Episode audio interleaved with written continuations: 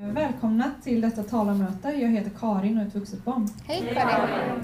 ACA, vuxna barn till alkoholister och från andra dysfunktionella familjer, är en sammanslutning av människor med det gemensamt att vi har vuxit upp i en omgivning med missbruk eller under andra störda förhållanden. ACA är inte bundet till någon sekt, politiskt parti eller institution, engagerar sig inte i några debatter och stödjer eller motverkar inte några kampanjer.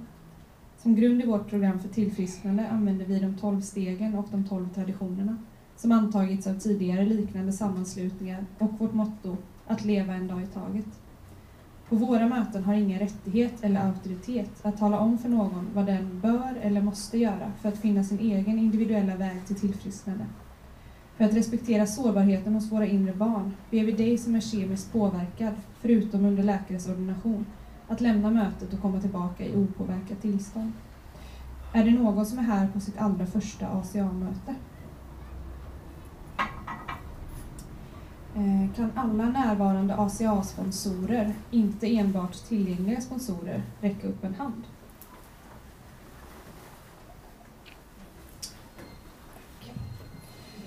Detta är ett talarmöte. Eh, talet spelas in med ljud. Eh, efter talet finns det möjlighet att ställa frågor till talaren om tiden tillåter. Eh, så nu har jag då den stora äran att presentera vår talare Maria. Oj.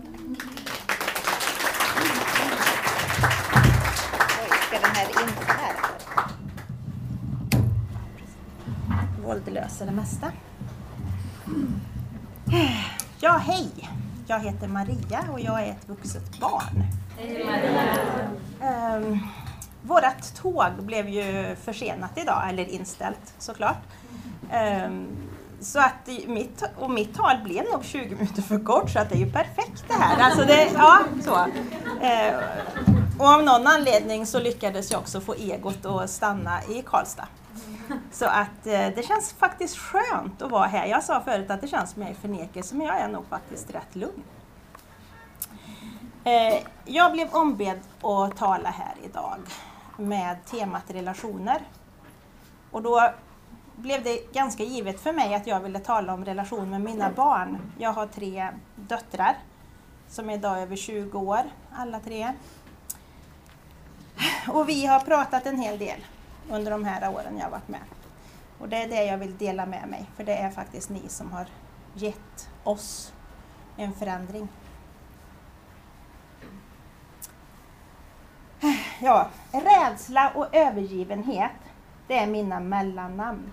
Men frågar man människor som jag har haft runt mig, eh, kompisar, arbetskamrater och alltihopa, så är jag en otroligt stark och modig kvinna och hon säger alltid vad hon tycker och tänker.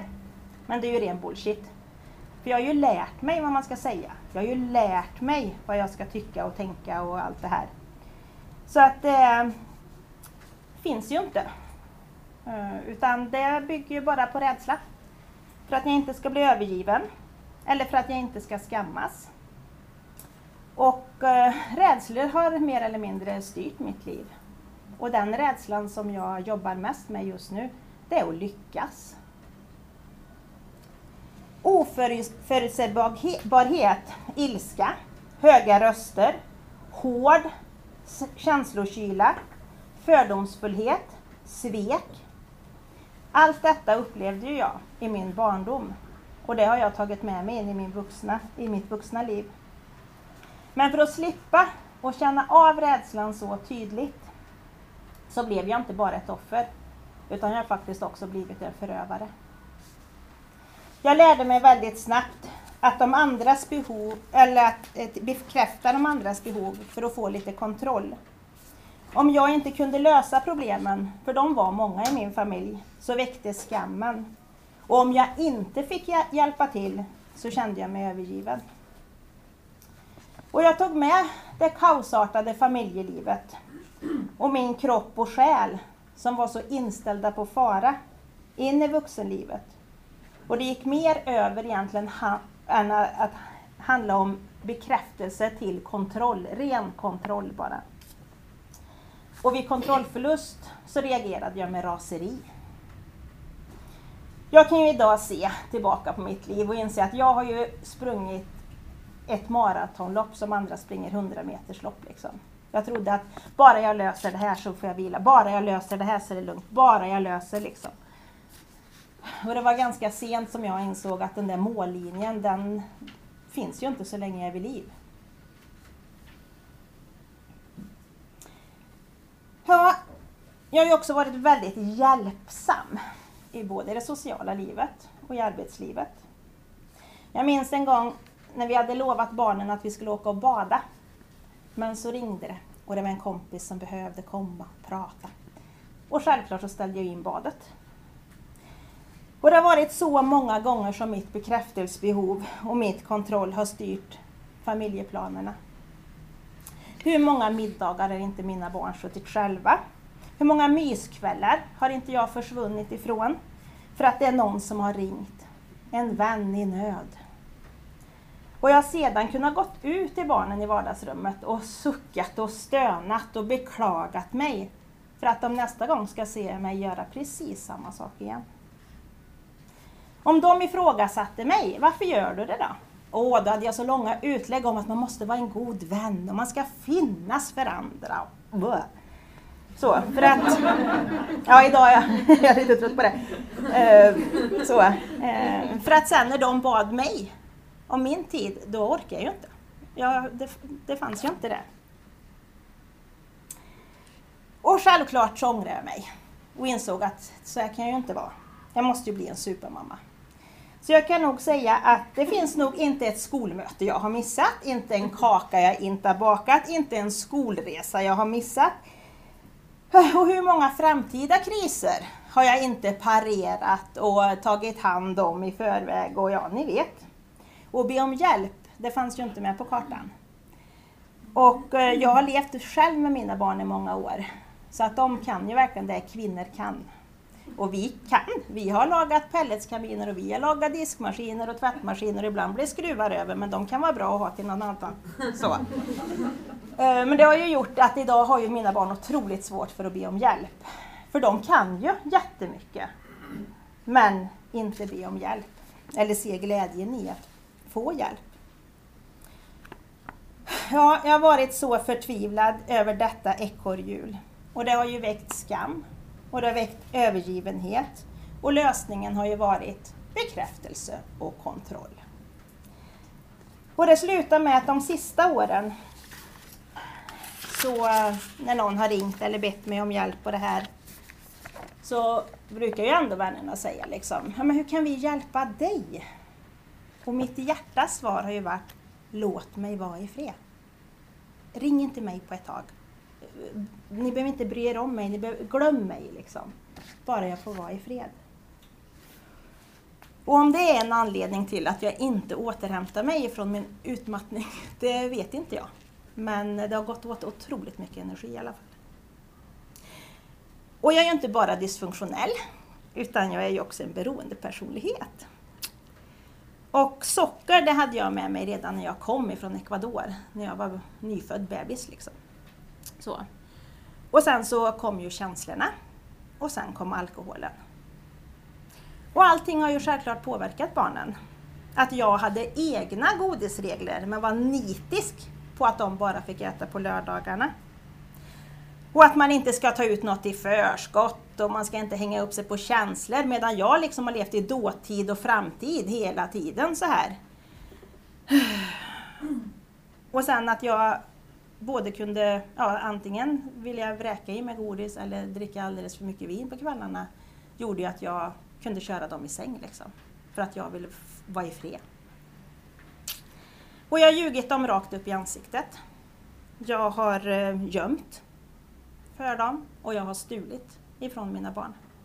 Och det är bara ren krass fakta liksom. Det får jag bara stå för idag. Mina kärleksrelationer de har varit väldigt få. Min längsta eh, och då också mest just funktionella, den pågick i över 20 år. Han var en otroligt kärleksfull man. Om än ett vuxet barn kan jag se idag och att vi har hamnat i varsin vågskål. Men jag upplevde verkligen att han tyckte om mig och han ville mig väl. Men min oerfarenhet av att kunna ta emot hjälp och bli omhändertagen, det gjorde ju att när han visade sin kärlek till mig så sköt ju jag bort honom. Och då kände jag mig sen övergiven och så ifrågasatte jag hans känslor. Och det kan jag se med sorg idag, för det är ju barnens pappa. Jag var tio år när vi blev ihop och han var tolv. Och vi flyttade ihop och vi gifte oss och vi fick tre barn och vi skilde oss. Och jag är faktiskt rätt säker på att vi var inte en dag äldre den dagen, 20 år senare. Vi var tio, en 10 och en tolvåring som skilde sig och där i var det tre barn som skulle vara med i den här kaosartade världen. Ja, du är en idiotmagnet, säger en kompis till mig rätt ofta. Och det stämmer nog. Inte det att jag på något sätt vill kalla någon en idiot. Men jag har en förmåga att locka till mig folk, plocka isär dem så att de öppnar upp och säger saker som de inte ens visste att de kände eller tyckte. Eh, men det är klart, för det är tryggt för mig. Det är tryggt för mig att komma in i folks problem. problem liksom. Det är där jag är van att vara, det kan jag på mina fem fingrar. Sen kan jag bli väldigt irriterad om de fortsätter att höra av sig. Och så blir jag väldigt förvånad när de säger att du är min bästa vän. Uh, Okej. Okay. Eh, så att för mig har det varit jättekonstigt det här. För att samtidigt som jag har inte har velat haft det här, så när den vännen har mått bättre, då har ju den gått vidare. Och då står ju jag övergiven. Så då får jag ju leta upp en ny och börja om. För jag har ju inte kunnat vara kompis på något annat sätt. Och det har ACA hjälpt mig med och det har varit en sån otroligt stor sorg för mig att inse att jag är en otroligt bedrövlig vän. Det är jätte, jättesorgligt för det har varit mycket, eller väldigt många fina människor. Men jag inser, inser också idag att det är ju min mamma och min syster som jag gång på gång på gång har försökt att rädda. Ja, och återigen, det här har ju barnen också fått, fått vara del i. För det är ju inte bara det att jag har pratat med dem, de har ju fått flytta in ibland också. Och, så. och det har ju gjort att barnen är ju väldigt öppna för människor. De har väldigt få fördomar emot eh, psykisk ohälsa. Men jag önskar ju att jag hade lagt mycket mera tid på deras hälsa, på alla plan. Och att jobba och försörja sig, det är en skyldighet. Och det har jag gjort. Eh, jag började att försörja mig när jag var 13 år och fick höra av min pappa då att hon är så billig i drift. Och det har jag fortsatt att vara. Jag är jättebillig i drift. Ja, ja. Eh, så jag har ju inte fått så välbetalda jobb heller. Men ehm, eh, ja, det har, det har varit en konstig inställning. Liksom. För det har inte handlat om att tjäna pengar utan det har handlat om att jobba. Prestationen i det. Och jag fick de här tre barnen på tre år. Men att vara föräldraledig fanns ju inte på kartan för det gick ju att jobba helger. Det gick ju att jobba kvällar. Det gick mycket att ha med barnen en stund där innan pappa slutar så ni får sitta här i hallen och vänta. Men det var ju ingen som tackade mig heller när den fasansfulla väggen föll över mig. För det gjorde den ju till slut. Men ändå så kunde jag bli frustrerad när barnen inte sökte fler sommarjobb mer extrajobb, utan kunde säga att, vet du vad mamma, det räcker med skolan, jag orkar inte mer. Va? Liksom, trodde de att det var ett alternativ? För, ja, ja, alltså det blev, blev så. Det jätte, ja, jag vet inte. Jag, jättekonstigt tyckte jag det var. Men jag är så tacksam idag att de har egna högre krafter som har stått dem bi, så att inte de har gjort allting som jag har sagt. Utan de har lyssnat på sig själva ibland. Men en, en av mina döttrar minns, och det har satt sig i hennes själ, att en gång så sa jag Tänk på att du är utbytbar. Jag vet vad jag menade. Men hon... Måste jag se senare.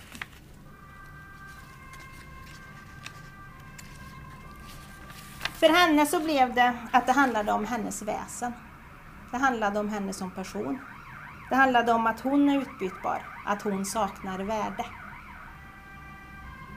En annan dotter delade med sig att när hon skulle säga upp sig från ett jobb Och var hon jätterädd för att ringa och berätta det för mig. För hon trodde jag skulle sluta att älska henne när hon inte skulle prestera mer.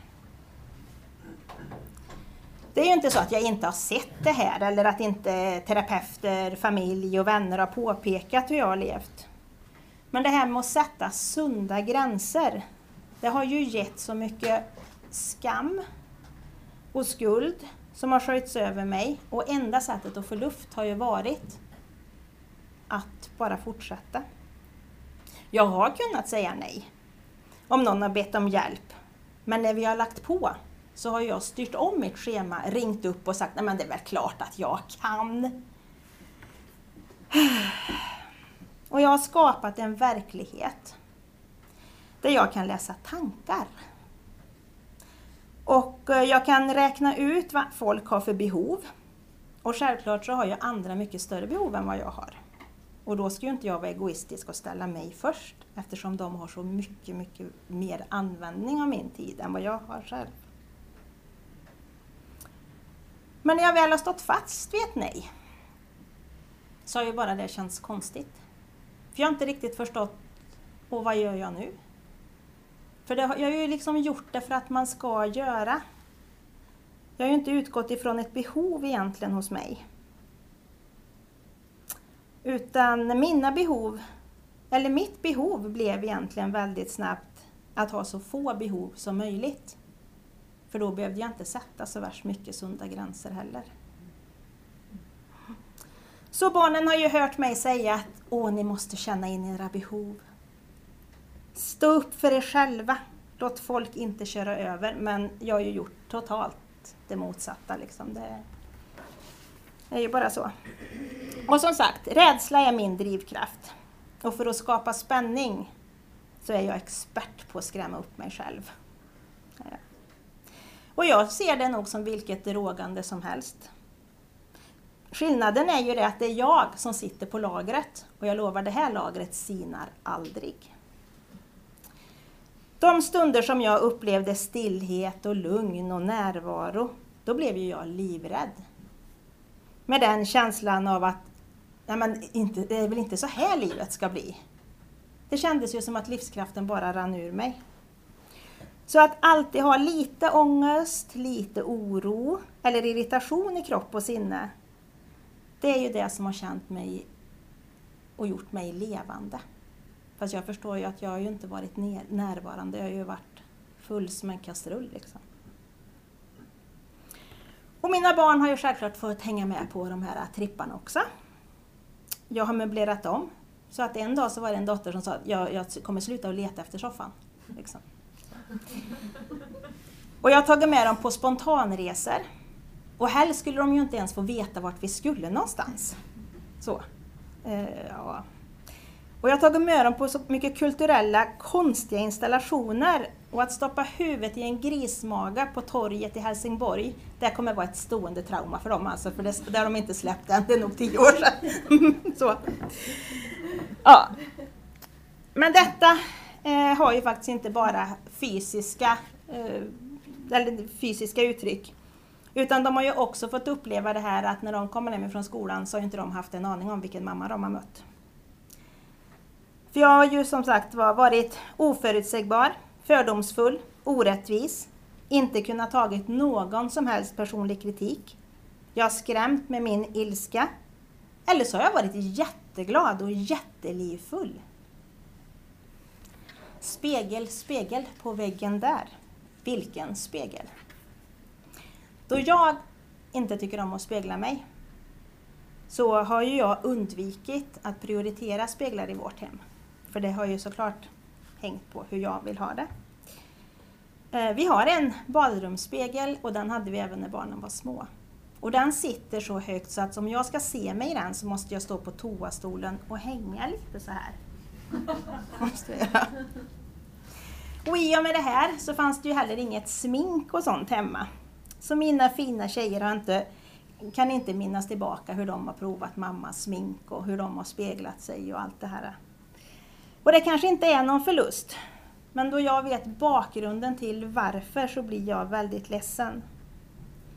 För jag har ju ingen aning om hur min släkt ser ut. Och därför så kan mina barn bara vara lik sina släktingar på pappans sida. Och det gör att jag har svårt att ta in när folk säger till mig att, att barnen är lik mig.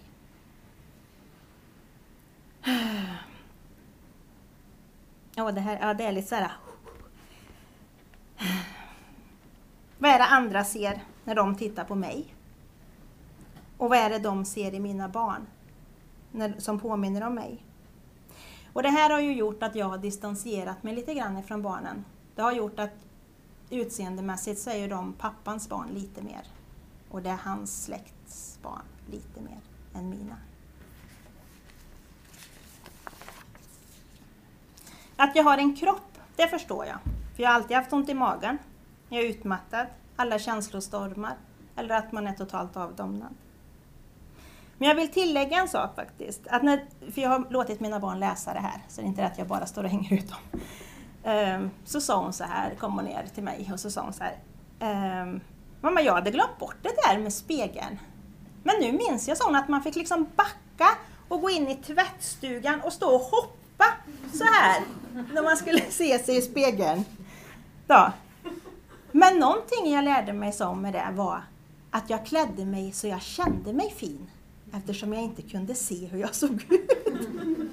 Och det, ja, det är ju fint att så. Ja. Men min bild av föräldraskapet det har byggt på ansvar och skyldighet. Då jag både är adopterad och hamnade hos föräldrar som inte kunde se och uppfylla mina behov så har jag haft svårt att slappna av i min föräldraroll. Där har jag verkligen många gånger gjort mig till ett offer. Jag har ordnat och fixat och trixat och grejat och sen har jag dragit mig undan och så har någon annan liksom fått tagit Eh, kalaset eller man ska säga så. För det är precis så det känns. Det känns som att jag många gånger har ordnat fester. För att sen när gästerna kommer så har jag gått ut och ställt mig och tittat in istället. Och då kan det ha varit att de som har varit där eller varit med i situationen har upplevt att jag har ju varit liksom centrum av alltihopa.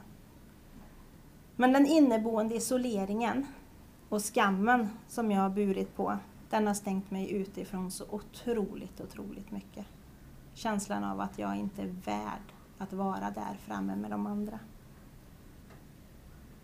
Och det här har ju gjort att mina barn har upplevt mig som känslokall. Att jag inte behöver eller vill ha hjälp. Att vi tassar på tå runt varandra för att inte störa och såra eller ta för mycket plats. Ja, som ni märker så har jag ju full pott i karaktärsdefekter. Jag är självcentrerad, oärlig, perfektionism, avundsjuk, förstorar saker, överlägsen, misstror, skjuter upp saker, snål, begär, har jag begär, isolerar mig och dömer andra. 10 poäng på den va? Men så faktiskt, en torsdagskväll för drygt två år sedan, så kom jag till ACA. Jag hade nått en botten. Jag visste inte ens att det fanns en ACA-botten. Jag visste bara att jag inte ville leva en dag till med det livet som jag hade. Jag orkade inte. Jag, var, jag kände att gör jag inte någonting nu så kommer jag dö en själslig död. Och bara några veckor senare så åkte jag och en av tjejerna ner till Ullared. Och hon kan idag säga att redan då märkte hon skillnad bara i mitt sätt att tala med henne och framförallt mitt sätt att lyssna. Och jag har varit öppen mot dem hela tiden med det här. Eh, och de har varit med mig på möten också. Och de vet varför jag går dit. Och de är otroligt tacksamma över er. För hos er har jag hittat hem. Eh, och som de också vet idag är ju det att om de någonsin når sin ACA-botten så finns ni där ute för dem. Men idag så är jag en mamma med precis samma rädslor. Skillnaden är ju det att idag behöver jag inte skrika ut dem. Jag har min sponsor, jag har er, jag har min högre kraft. Jag kan prata om mina rädslor med barnen, men jag för inte över dem längre. De vet att jag finns där och idag vill de dela med sig av sina bekymmer till mig, för de vet att jag kan hantera det bättre. Förr så väckte ju min rädsla och överdrivna ansvarstagande känslan av att alla problem var, blev mina. Det, jag är ju lösningen liksom. Så. Snacka om att vara Gud. liksom, det är sådana här saker man bara inser, bara, uh, vad svider. Nej men jag kidnappade andras problem, helt enkelt. Gjorde jag. Gjorde dem till mina, kom på lösningar och talade om hur man löser det hela.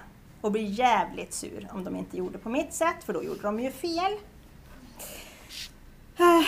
Ja, be om hjälp, det är något jag fortfarande tränar på, för det, det faller sig inte naturligt. Det är nog en sån här livslång process.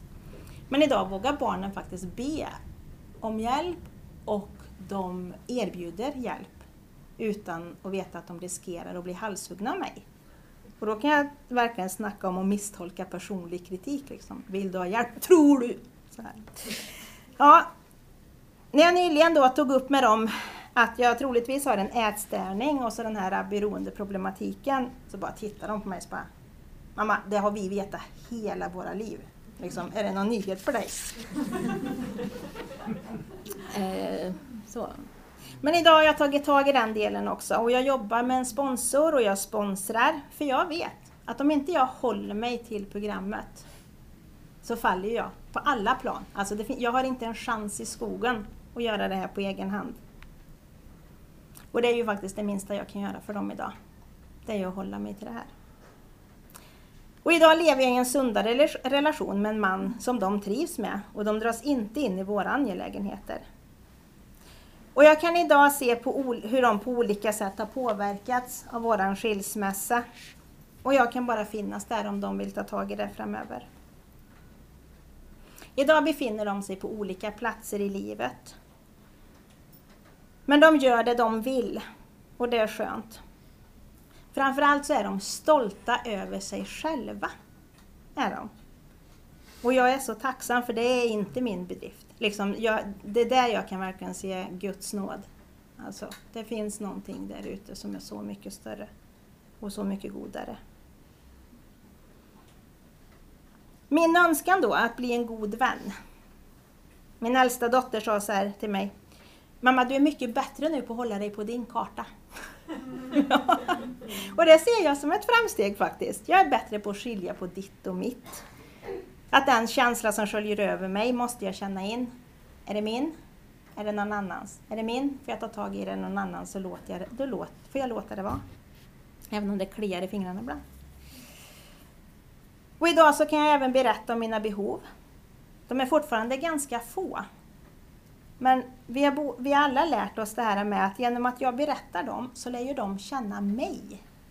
De börjar på att förstå nu mer vem jag är. Vad jag har för tankar, vad jag har för önskningar och vad jag vill med mitt liv. Jag är mycket mer ärlig idag när jag utgår ifrån vad jag faktiskt känner, en rädsla, skam eller övergivenhet. Jag kan säga ja eller nej och de vet att jag menar det jag säger. Framförallt så har jag fått en ny favoritkänsla som jag gärna bekräftar. Jag vet inte. Det, alltså för mig är det, alltså, det ryser hela kroppen när jag får säga de orden. För det, det, ja, jag svävar på mån alltså. Ja, men när någon ringer och frågar, jag vet inte. För jag, men, men hur mycket vet jag? Hur mycket har jag vetat? Jag har ju inte vetat något egentligen. Men nu kan jag vara ärlig och säga, ja men jag vet inte. Och så kan jag lämna det där. Och de bara, men, men säg vad du tror då. Nej. Ja, hur jag ser ut? ja, det vet jag inte än. Men eh, jag ser dem som individer och de är otroligt vackra. Det var en väldigt fördel nu kan jag säga när vi missade tåget och så, för det var bara upp, inte ens tända lampan typ på hotellet och så byta om och så bara... Nu går jag. Jo, det här med att inte kunna lyssna på min kropp har ju gjort att jag har ju heller inte kunnat avgöra om de är friska eller sjuka. Visst, man kan mäta med en febertermometer, men det säger väldigt lite tycker jag. Så att i väldigt tidig ålder, så när de säger jag känner mig sjuk och så kunde vi prata om det. Ja, men känner du dig sjuk så var hemma.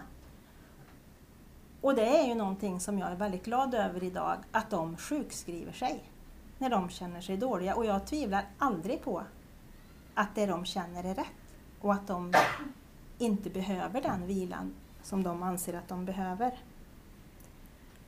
Och det var jag ju tvungen att fråga, fråga dem om det stämde. Och det stämmer. Och den ena sa att det är så skönt att ringa till dig. Även om jag har bestämt att jag ska vara hemma så ringer jag till dig och du säger Känn efter hur det känns. och så får hon det bekräftat. Då. Mm.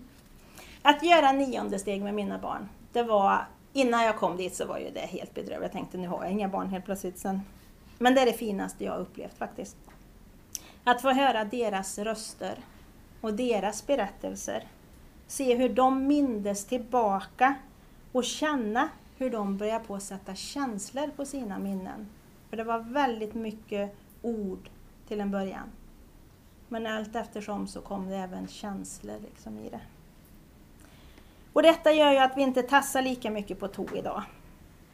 Och de har faktiskt gjort nionde till varandra.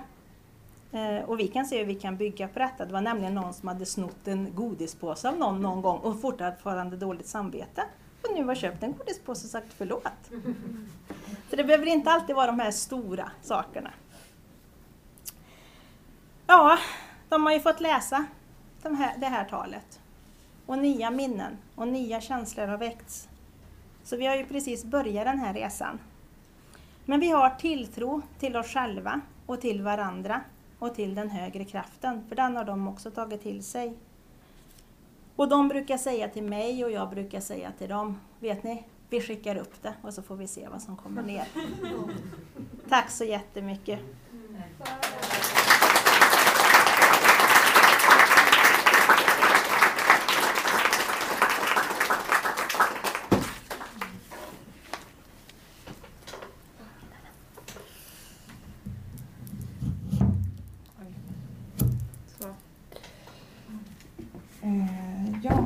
Så jättemycket för talet. Eh, jag eh, tänker att vi har lite tid eh, att ställa lite frågor och då vill jag påminna om att talet spelas in med ljud så att om du vill vara helt anonym så behöver du inte säga ditt namn innan du ställer en fråga. Och det är bra om talaren kan upprepa frågan så att det hörs på inspelningen. Så nu öppnar jag för frågor.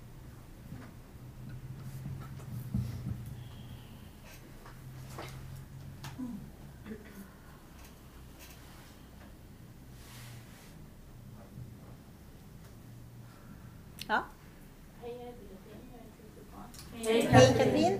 Eh, jag tänkte fråga eh, om det väckts mycket ilska hos dina barn eh, sen du började i programmet eller har de varit mycket arga på dig innan eller har de liksom förstått att nu går det att tala om för dig vad man tycker eller hur har den resan varit med barnen? Ja, frågan är då om barnen har känt mycket ilska sedan jag började i programmet eller om den har varit innan eller hur den resan har varit. Jag får nog tyvärr säga det att mina barn har varit rädda för mig. Så att den ilskan som de säkert har känt många gånger har ju inte de vågat uttrycka. Eh, idag så är de nog lite för stora, eller hur ska man säga, för att den ilskan än så länge i alla fall ska blomstra ut så där som jag ibland önskar att de skulle verkligen stå och skrika och sparka liksom så. Eh, de är nog lite för medberoende. Eh, tyvärr, faktiskt, eh, för, att, för att göra det än. Men jag hoppas, att, jag, jag hoppas att det kommer och jag hoppas att jag har kraften att ta emot det då.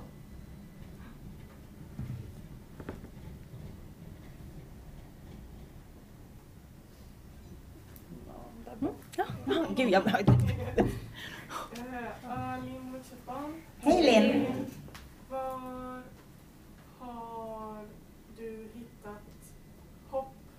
till att de här sakerna kan förändras så att det inte kommer liksom sätta för stora spår. Att det är värt det. Vart jag har hittat hopp för att de här sakerna ska förändras så att det inte ska sätta för stora spår. Hoppet, det fann jag i ACA. Eh, och när jag började jobba i stegen framförallt, när jag såg eh, mer hur min egen uppväxt hade varit och vad jag har valt att förneka. För mitt val, eh, eller min önskan var ju att jag aldrig skulle göra som mina föräldrar. Och så visade det sig att jag har gjort precis likadant fast i andra diket nästan kan man ibland känna liksom. Och så lite kryddat på det lite så. Så att jag, jag hoppas ju att genom att vi kan prata om det idag, att jag kan ta emot det de berättar för mig idag. Att det ska börja läka de såren de har. Det, det är nog det svaret jag kan ge. Det är där, det där hoppet finns för mig, att jag idag är mottaglig för vad de tycker och tänker och känner.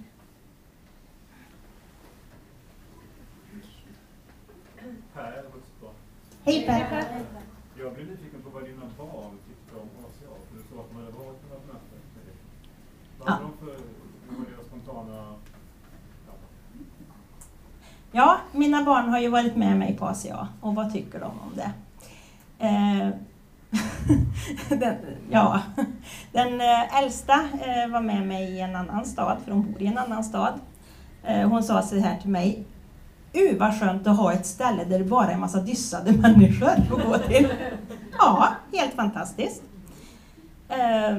En annan tjej, hon valde att gå på några möten för hon kände att det fanns saker som hon direkt kunde liksom koppla, koppla till sig själv och som hon kände att hon fick hjälp med. Eh, sen när jag frågade en annan gång om hon skulle med på ett möte, nej nu är jag frisk, sa hon. Kul!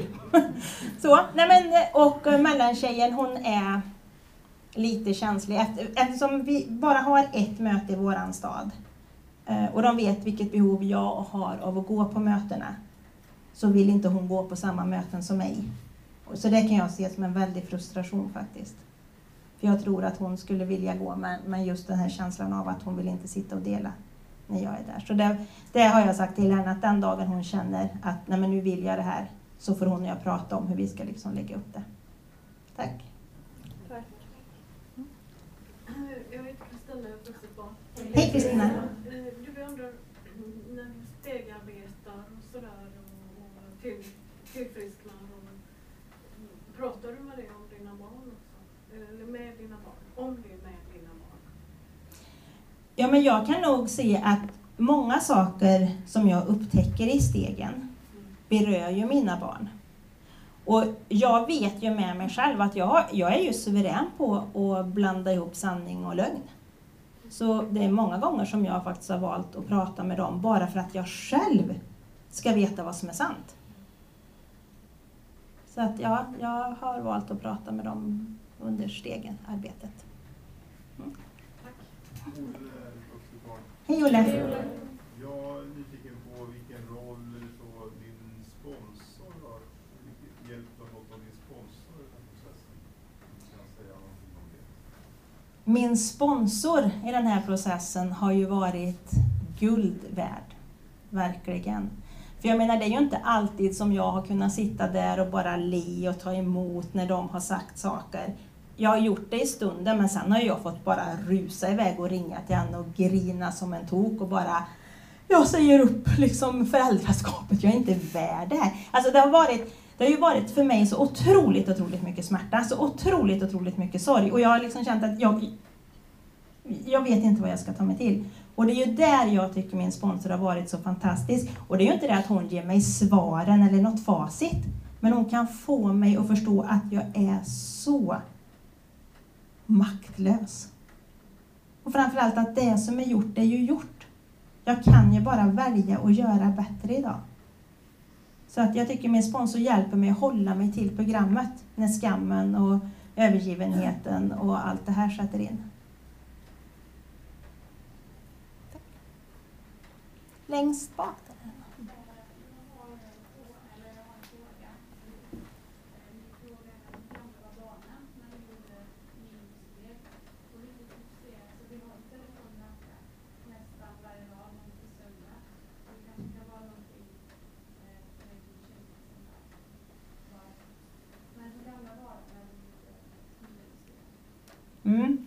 Eh, frågan är hur gamla mina barn var när de gjorde ett steg.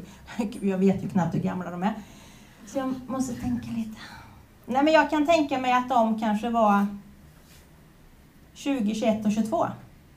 Var de. Och så nämnde hon ju även att det finns ju telefonmöten för ACA. Så att man kan ju ringa dit och att det är ett tips då till en av mina döttrar. Att vända sig dit. Ja, Janne, vuxet barn. Hej Janne! Eh, Jag hade en fråga eh, om, eh, du pratade om att föra över till dina barn. Och med vad du vet idag, om du kunde backa tillbaka mentalt liksom. Och, ja, vad hade du gjort annorlunda just vad gäller den där överföringsgrejen? Kan du säga någon nyckel där för dig? Ja, men nyckeln idag, för, för det är ju det jag gör annorlunda idag. Det är ju det här att när, identifiera vad det är som växer i mig.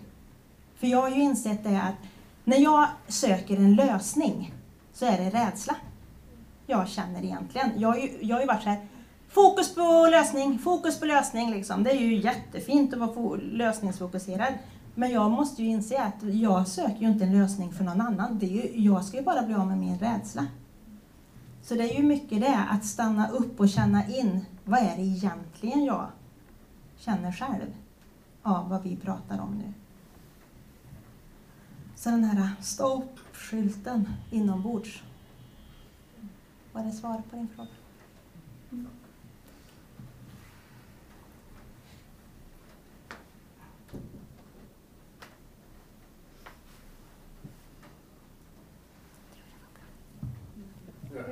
Ja. Sista fråga.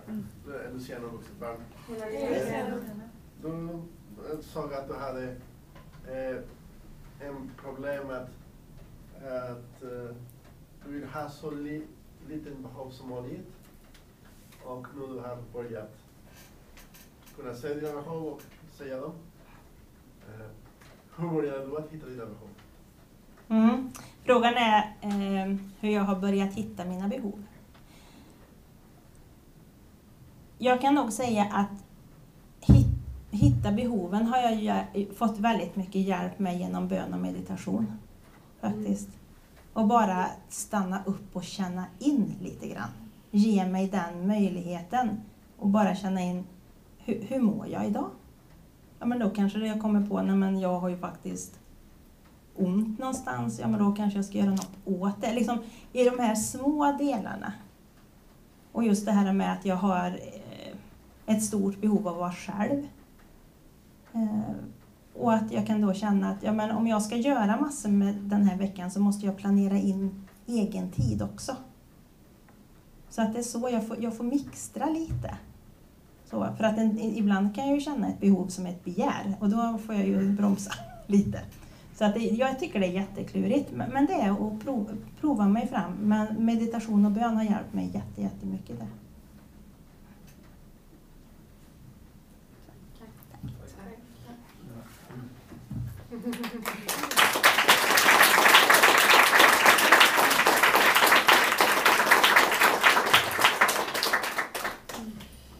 Tack till alla er som har kommit hit och gjort eh, mötet möjligt och eh, stort tack till mötets talare. Eh, Jag påminner om att allt som har sagts här inne är förtroenden som inte bör lämna detta rum annat än i våra hjärtan. Av det som sagts här idag tar du till dig det du vill och låter resten vara. Till sist vill jag påminna om att vi är självförsörjande och tacksamma för era frivilliga bidrag. Eh, Pengarna går till hyra av lokal och andra kostnader för riksmötet. Eh, och eh, pengar kan lämnas till kaféet eller swishas. Eh, för att avsluta mötet så ber vi sinnesrobönen i vi-form tillsammans. Gör en cirkel.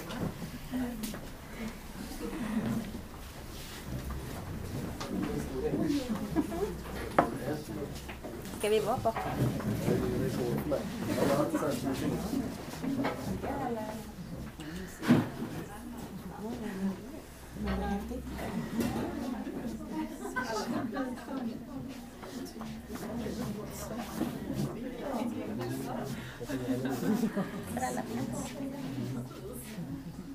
Vem tog oss hit?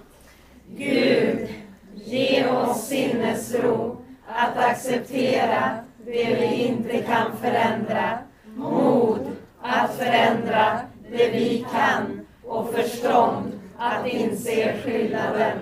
Kom tillbaka för det fungerar när vi agerar. Tjoho!